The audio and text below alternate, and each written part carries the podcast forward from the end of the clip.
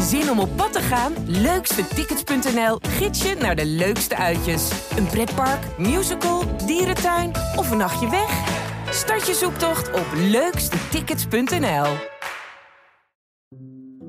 Hi, mijn naam is Corine Kolen en je luistert naar De Liefde van Nu.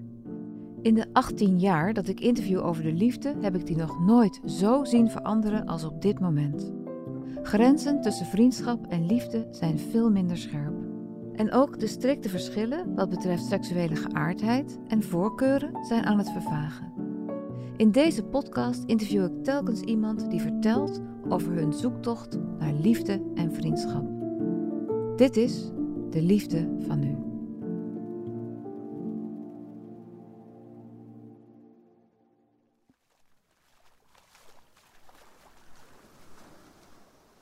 Op gegeven moment waren we op vakantie met z'n tweeën bij het uh, vakantiehuisje van mijn ouders.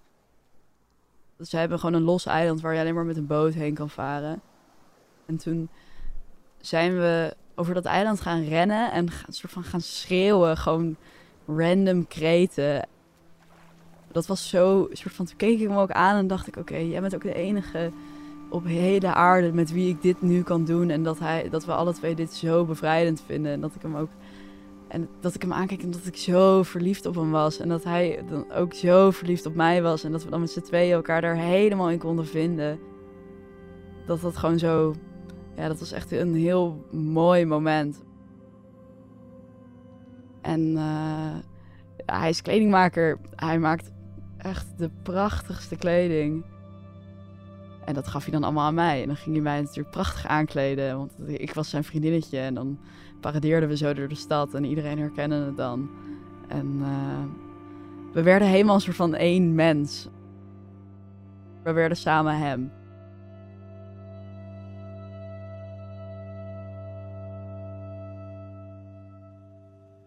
Was dat beangstigend voor jou? Nee, ik was super naïef. Eigenlijk ben ik nog steeds, maar toen al helemaal. En toen werd ik per ongeluk zwanger. Toen was dat wel een heftige periode, want ik kon het ook niet. Ik had het gevoel dat ik dat aan niemand kon vertellen. Dus um, ik heb dat ook aan niemand anders verteld, behalve toen op dat moment aan hem. En toen hadden we eigenlijk wel besloten dat we dat soort van weg gingen laten halen. Mijn ouders zeiden ook van, wat is er aan de hand? En ik kon het niet vertellen, en, of ik wilde het niet vertellen. En, is hij met je mee geweest naar de abortuskliniek? Ja, uh, Hebben jullie elkaar, zijn jullie elkaar toen vaker ook gaan zien? Ja, het eerste, de helft van de relatie was echt super leuk. En hij was heel geïnvesteerd in mij en in elkaar. En hij, hij had heel veel liefde en heel veel aandacht voor een heleboel dingen. Uh, toen zat hij echt in die, in die piek. En toen kwam er op een gegeven moment een omslagpunt waarop ik merkte dat, zijn, dat hij opeens van de een op de andere dag een andere prioriteit had je kon ook wel zien dat hij wel wilde met mij dan zijn, maar dan moest hij aan het werk. Ik was toen voor het eerst heel erg in de war over hoe een één mens zo kan veranderen van, van mening en van prioriteiten. Wist jij meteen dat hij bipolair was? Ja, dat heeft hij al een keertje zo terloops. Had hij dat al bij de tweede keer dat ik hem zag gezegd. Maar ik wist niet wat het was. Ik weet nog dat ik daar toen naar huis ben gegaan en dat heb gegoogeld. Ik las eigenlijk over uh, dat je manische uh, fases hebt en depressieve fases. Maar bij hem was het heel erg dat, je, dat hij dus een paar weken of een maand of een paar maanden in een bepaalde episode kon zitten en daarna weer in een andere. Uh, dus dat, hij daarna, dat het dan opeens wel van de andere op de een op de andere dag oversloeg. Maar schrok jij ervan toen jij dat las? Nee, ik had geen idee wat het inhield. Als hij had gezegd, ik heb een uh, stiefdochter in dingen of een stiefzus in Amerika, dan was het hetzelfde geweest bij wijze Ja, letterlijk. Het, uh, het, het, het, maakte me niet zoveel uit. En ik dacht, oh, misschien is dat wel ingewikkeld, maar iedereen heeft zijn dingen. Hoe ingewikkeld was dat voor jou? Vertel eens hoe jij daaronder voelde. Dat was op een gegeven moment wel heel erg ingewikkeld, omdat we ook niet meer met elkaar konden communiceren daarover. En hij was alleen maar aan het werk, gewoon van van zeven uur s ochtends tot diep in de nacht. Gewoon achter zijn naaimachine. Uren en uren alles aan het doen. Maar ik begrijp echt als geen ander dat het maken van dingen heel belangrijk is in je leven. Als je die drang voelt. En dat je dus dat dat het belangrijkste is wat je soms moet doen. Dus ik voelde me heel schuldig dat ik die ruimte soort van probeerde in te nemen. Ehm, dat ik hem van zijn werk af probeerde te houden. Dus ik probeerde hem ik probeerde mezelf door bochten te wringen om daartussen die werkmomenten mezelf soort van te plaatsen. Dan was ik thuis en dan vroeg hij om 11 uur s'avonds of ik langs kon komen. En dat deed ik dan, want ik dacht, oh, eindelijk kan ik hem weer zien. Het maakt niet uit hoe laat het is. En dan reed ik daarheen en dan ging hij om zes uur s ochtends, uh, sprong hij op en ging hij weer werken. En dan was ik daar dus en dan was ik in mijn eentje in zo'n leeg huis. En dan vroeg ik van, kunnen we dan in ieder geval samen ontbijten? En uh, dan was het van, nee, dat kan niet, dat lukt me niet. Ik wil wel met je ontbijten, maar het lukt me niet. Ik moet nu aan de slag. Hij zat zo in de lucht dat ik niet, ik kon daar gewoon niet naartoe. En hij begreep ook niet waarom ik niet begreep dat hij moest sprinten door zijn leven.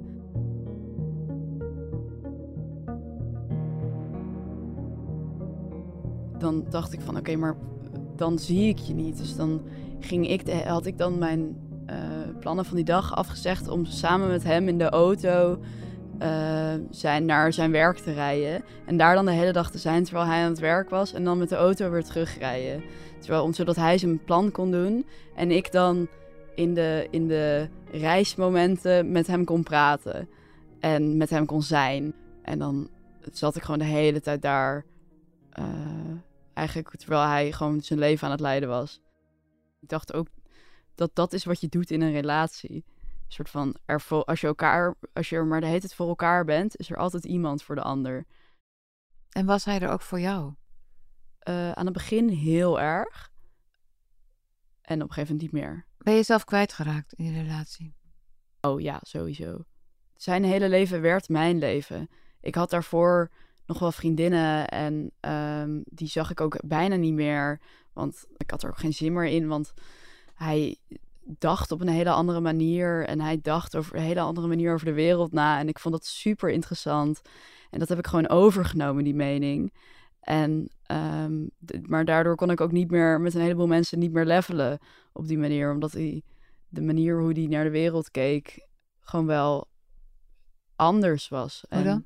Hij heeft, hij heeft het heel veel over gewoon op je gevoel moet beredeneren. En over dat het gewoon je moet gewoon je dag starten zonder na te denken en gewoon dingen gaan doen. En hoe je geleid wordt, is dat op dat moment hoe je het moet gaan doen. En liepen we dus wel eens de stad in en dan gingen we gewoon een soort van tekens van het universum volgen. En uh, dan kwamen we gewoon weer op een of andere plek. En dan denk ik, we hebben gewoon niks gedaan. Hè, maar dat was dan wel blijkbaar wat we moesten doen die dag. Ik liet me de hele tijd leiden door allemaal dingen. En het allemaal tekens van het universum. En dat was echt prachtig om in te geloven. En dat liet me helemaal meezuigen in dat wereldje. En dat was heel leuk. En daardoor dacht ik, ja, hoef dit soort van die vrienden, die snappen dat niet. Ik hoef er niet daarmee te zijn. En dat was ook prima. Je hebt het nu steeds over die piekmomenten, maar ik neem ook aan dat hij zijn dalen had. Hoe zagen die eruit? Uh, in de hele relatie die ik met hem gehad, is er dus één piek en één heel groot dal geweest. En het dal was aan het eind toen het dus, uh, ja, toen ging het ook uit. Want wat gebeurde er? Wat, wat gebeurde er in de weken, de maanden daarna? Ja, hij, hij had soms gewoon, hij was heel bang voor de toekomst op een bepaalde manier. Hij had ook eh, echt wel heel veel paniekaanvallen. Hoe zagen die eruit? Ja, dat was echt doodeng eigenlijk. En hij kon er niet zoveel aan doen, maar we hebben één keer dat hij, nou, toen had hij een hele dag een fotoshoot gehad voor zijn kledingmerk. En toen kwam hij daarna naar mij toe, bij mijn ouders. En mijn ouders waren er niet. En toen s'avonds vertelde hij dat hij, um, dat hij een aanbod had gekregen voor een winkel in Amsterdam. En dat hij dat heel spannend vond. En dat hij niet wist hoe hij daarmee moest functioneren. En dat hij niet wist wat hij er moest, mee moest doen. En ik probeerde een beetje te logisch te beredeneren en het te ontleden, zodat het makkelijker is, zoals ik dat ook altijd bij mezelf doe. Gewoon van, dit kan je doen, je kan het niet doen. En ik zag gewoon dat hij, opeens werd hij ook heel verdrietig. Het was echt twee uur s'nachts, alle gordijnen waren dicht en het was pikdonker. En hij kwam in een soort hyperventilatie en ik schrok heel erg. Dus ik probeerde hem te bereiken met dat het wel goed kwam en dat het allemaal oké was ik, hij keek me ook aan, maar hij keek echt dwars door me heen. Omdat hij gewoon niet meer. Hij had zo'n soort van paniekaanval dat het bijna tot een soort psychose was. Gewoon omdat hij. En hij op een gegeven moment begon hij dingen te zeggen van dat hij niet naar het ziekenhuis wilde. Of dat, hij, dat, ik, dat ze hem niet mochten meenemen. En dat hij heel bang was dat hij dus opgehaald zou worden. En dat hij in een soort gekkenhuis zou moeten of zo.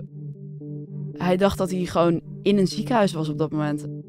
Hij wist niet meer wie ik was. En toen stond hij ook op en liep hij weg. En hij zat, vroeg de hele tijd waar hij was. En dat hij naar huis wilde. En toen kreeg hij ook weinig lucht meer. En uh, dat is, dat, ik denk dat dat wel twee uur heeft geduurd. Wat heb je gedaan?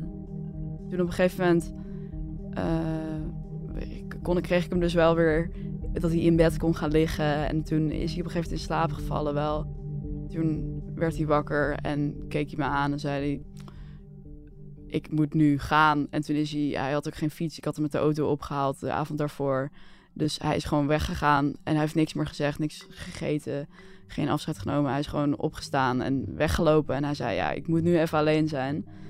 En toen is hij volgens mij naar zijn huis gelopen. Wat echt twee uur lopen is of zo. Ik weet niet wat hij heeft gedaan, maar hij was toen weg. En uh, toen heb ik het er nog een paar dagen later met hem geprobeerd over te hebben. Maar hij zat echt, ja, dat was, dat was gewoon dat. En nu, gaan we weer gewoon, nu ben ik weer oké, dus we gaan gewoon weer verder. Hij, hij was. Ik denk dat hij gewoon de hele tijd, zijn hele leven al in ontkenning was over dat dit soort dingen gebeuren. En dat hij, dat hij ziek is. Wat dacht jij? Dit heeft consequenties voor mijn leven met hem. Ik had, dat was een heel mooi moment geweest om te gaan reflecteren op. Misschien is dit niet de allergezondste positie om in te zijn voor mij als mens. Maar ik hield echt zielsveel van die jongen. Ik had echt alles gedaan voor hem op dat moment. Er was ook geen seconde in mijn hoofd opgekomen van, oh, misschien moet ik mezelf een keer op één zetten.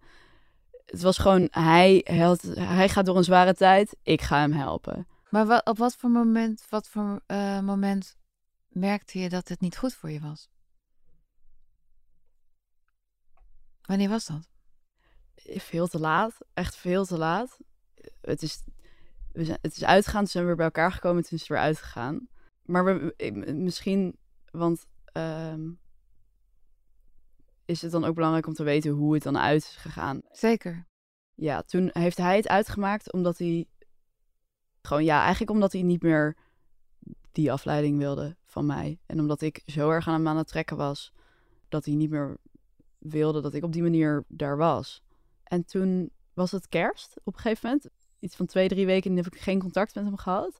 En toen stond hij op kerstochtend, terwijl ik met, mijn gezin klaar aan het maken was om dus naar de kerstfamilie te gaan, stond hij opeens heel verwilderd met tranen in zijn ogen voor de deur. Of hij even met me kon praten. En uh, toen zijn we naar het bos gereden en toen zei hij dat hij toch dat hij gewoon er spijt van had en dat hij me niet had moeten laten gaan. Maar natuurlijk, zoals ik in die relatie zat, uh, zei ik ja, het is je vergeven. Ik ben er sowieso nog voor je. Weet je daar blij van? Of kreeg je een zwaar gemoed? Ik, ik wil, ik, op dat moment wist ik al lang dat ik niet voor altijd met hem samen zou zijn. En vanaf dat punt wilde ik ook eigenlijk niet meer met hem zijn. Maar had ik het gevoel dat ik hem niet, dat ik hem niet kon verlaten, omdat hij anders echt eh, helemaal verloren zou raken. Ging het daarna weer uit? Um, nee, toen op een gegeven moment kwam hij naar me toe dat hij uh, een heel leuk, uh, allemaal leuke mensen had ontmoet en dat hij allemaal daarmee ging feesten en dat het allemaal super gezellig was geweest. En dat hij met een, een van die meiden naar bed was geweest. Toen zat ik ook van, dan hecht je echt helemaal geen waarde meer aan onze relatie. Zijn we dan überhaupt nog in een relatie? Ik was wel heel verdrietig daarover, maar ook weer niet zo erg. Want ik dacht ook van ja, dat zat er ook gewoon aan te komen of zo. Wat heel raar is. En dat heeft echt nog wel een maand geduurd. Waarin ik dus met hem was, maar niet met hem wilde zijn. En hij met mij was, maar ook niet met mij wilde zijn. Maar jou alleen als een soort strohalm. Ja, hij kon niet. Hij kon niet alleen zijn.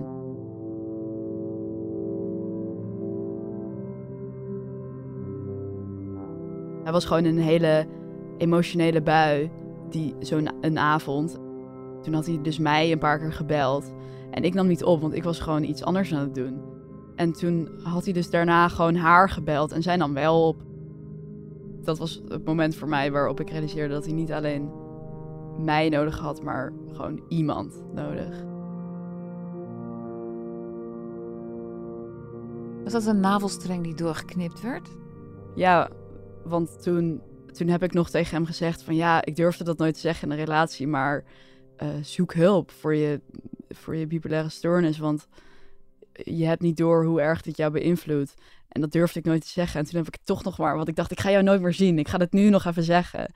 En toen zei hij van, ja, nee, ga ik niet, ga ik niet doen. En uh, toen dacht ik, oké, nou, dan is het in ieder geval niet meer mijn probleem. Ben jij, voel jij je bevrijd? Oh ja, heel erg. En ik heb heel veel op die manier geleerd over hoe ik functioneer en waar mijn grenzen zijn en wat niet. En dat ik daar dan blijkbaar heel makkelijk overheen kan. Is het een eng idee dat je zo beïnvloedbaar bent? Ja en nee. Ik heb wel een soort van. Ik heb in ieder geval de illusie dat ik macht heb.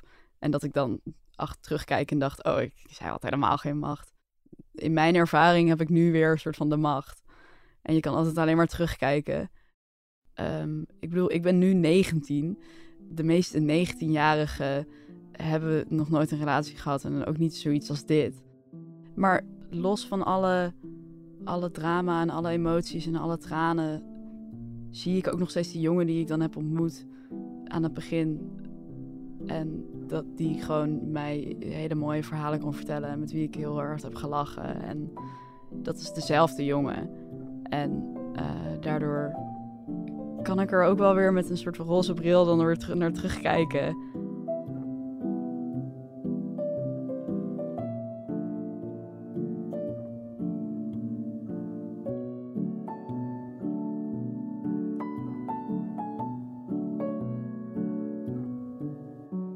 Dit was De Liefde van Nu. Wil je reageren of met mij in contact komen? Mail dan naar deliefdevanu@volkskrant.nl. Mijn naam is Corine Kolen. Ik maak deze podcast samen met Mona de Brouwer, tevens editor. Eindredactie en coördinatie is van Corinne van Duin en de begin- en eindmuziek is gemaakt door Juriaan de Groot. Dank je voor het luisteren.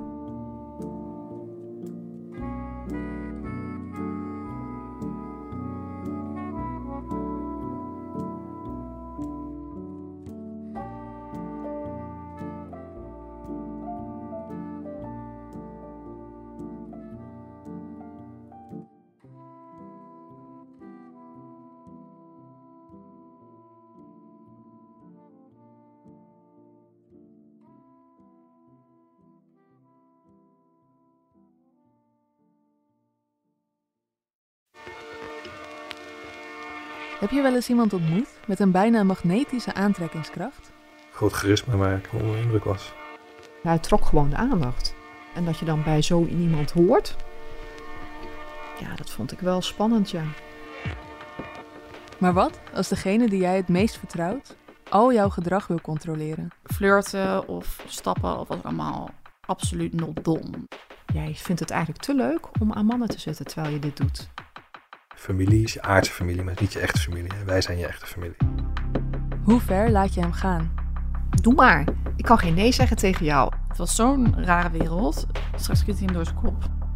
Dacht ik echt. Iedereen praatte op je in dat dat de waarheid was. Dus ga het maar zien. Dit is een soort God. Een podcast van de Volkskrant. Mijn naam is Simone Eleveld en samen met Anneke Stoffelen onderzoek ik hoe het kan dat een groep slimme mensen hun leven liet bepalen door één man. Alles waar ik twaalf jaar lang in geloofd heb, is gewoon allemaal een leugen. Een soort God. Te beluisteren vanaf 23 oktober. Zin om op pad te gaan? Leukstetickets.nl gids je naar de leukste uitjes. Een pretpark, musical, dierentuin of een nachtje weg? Start je zoektocht op leukstetickets.nl.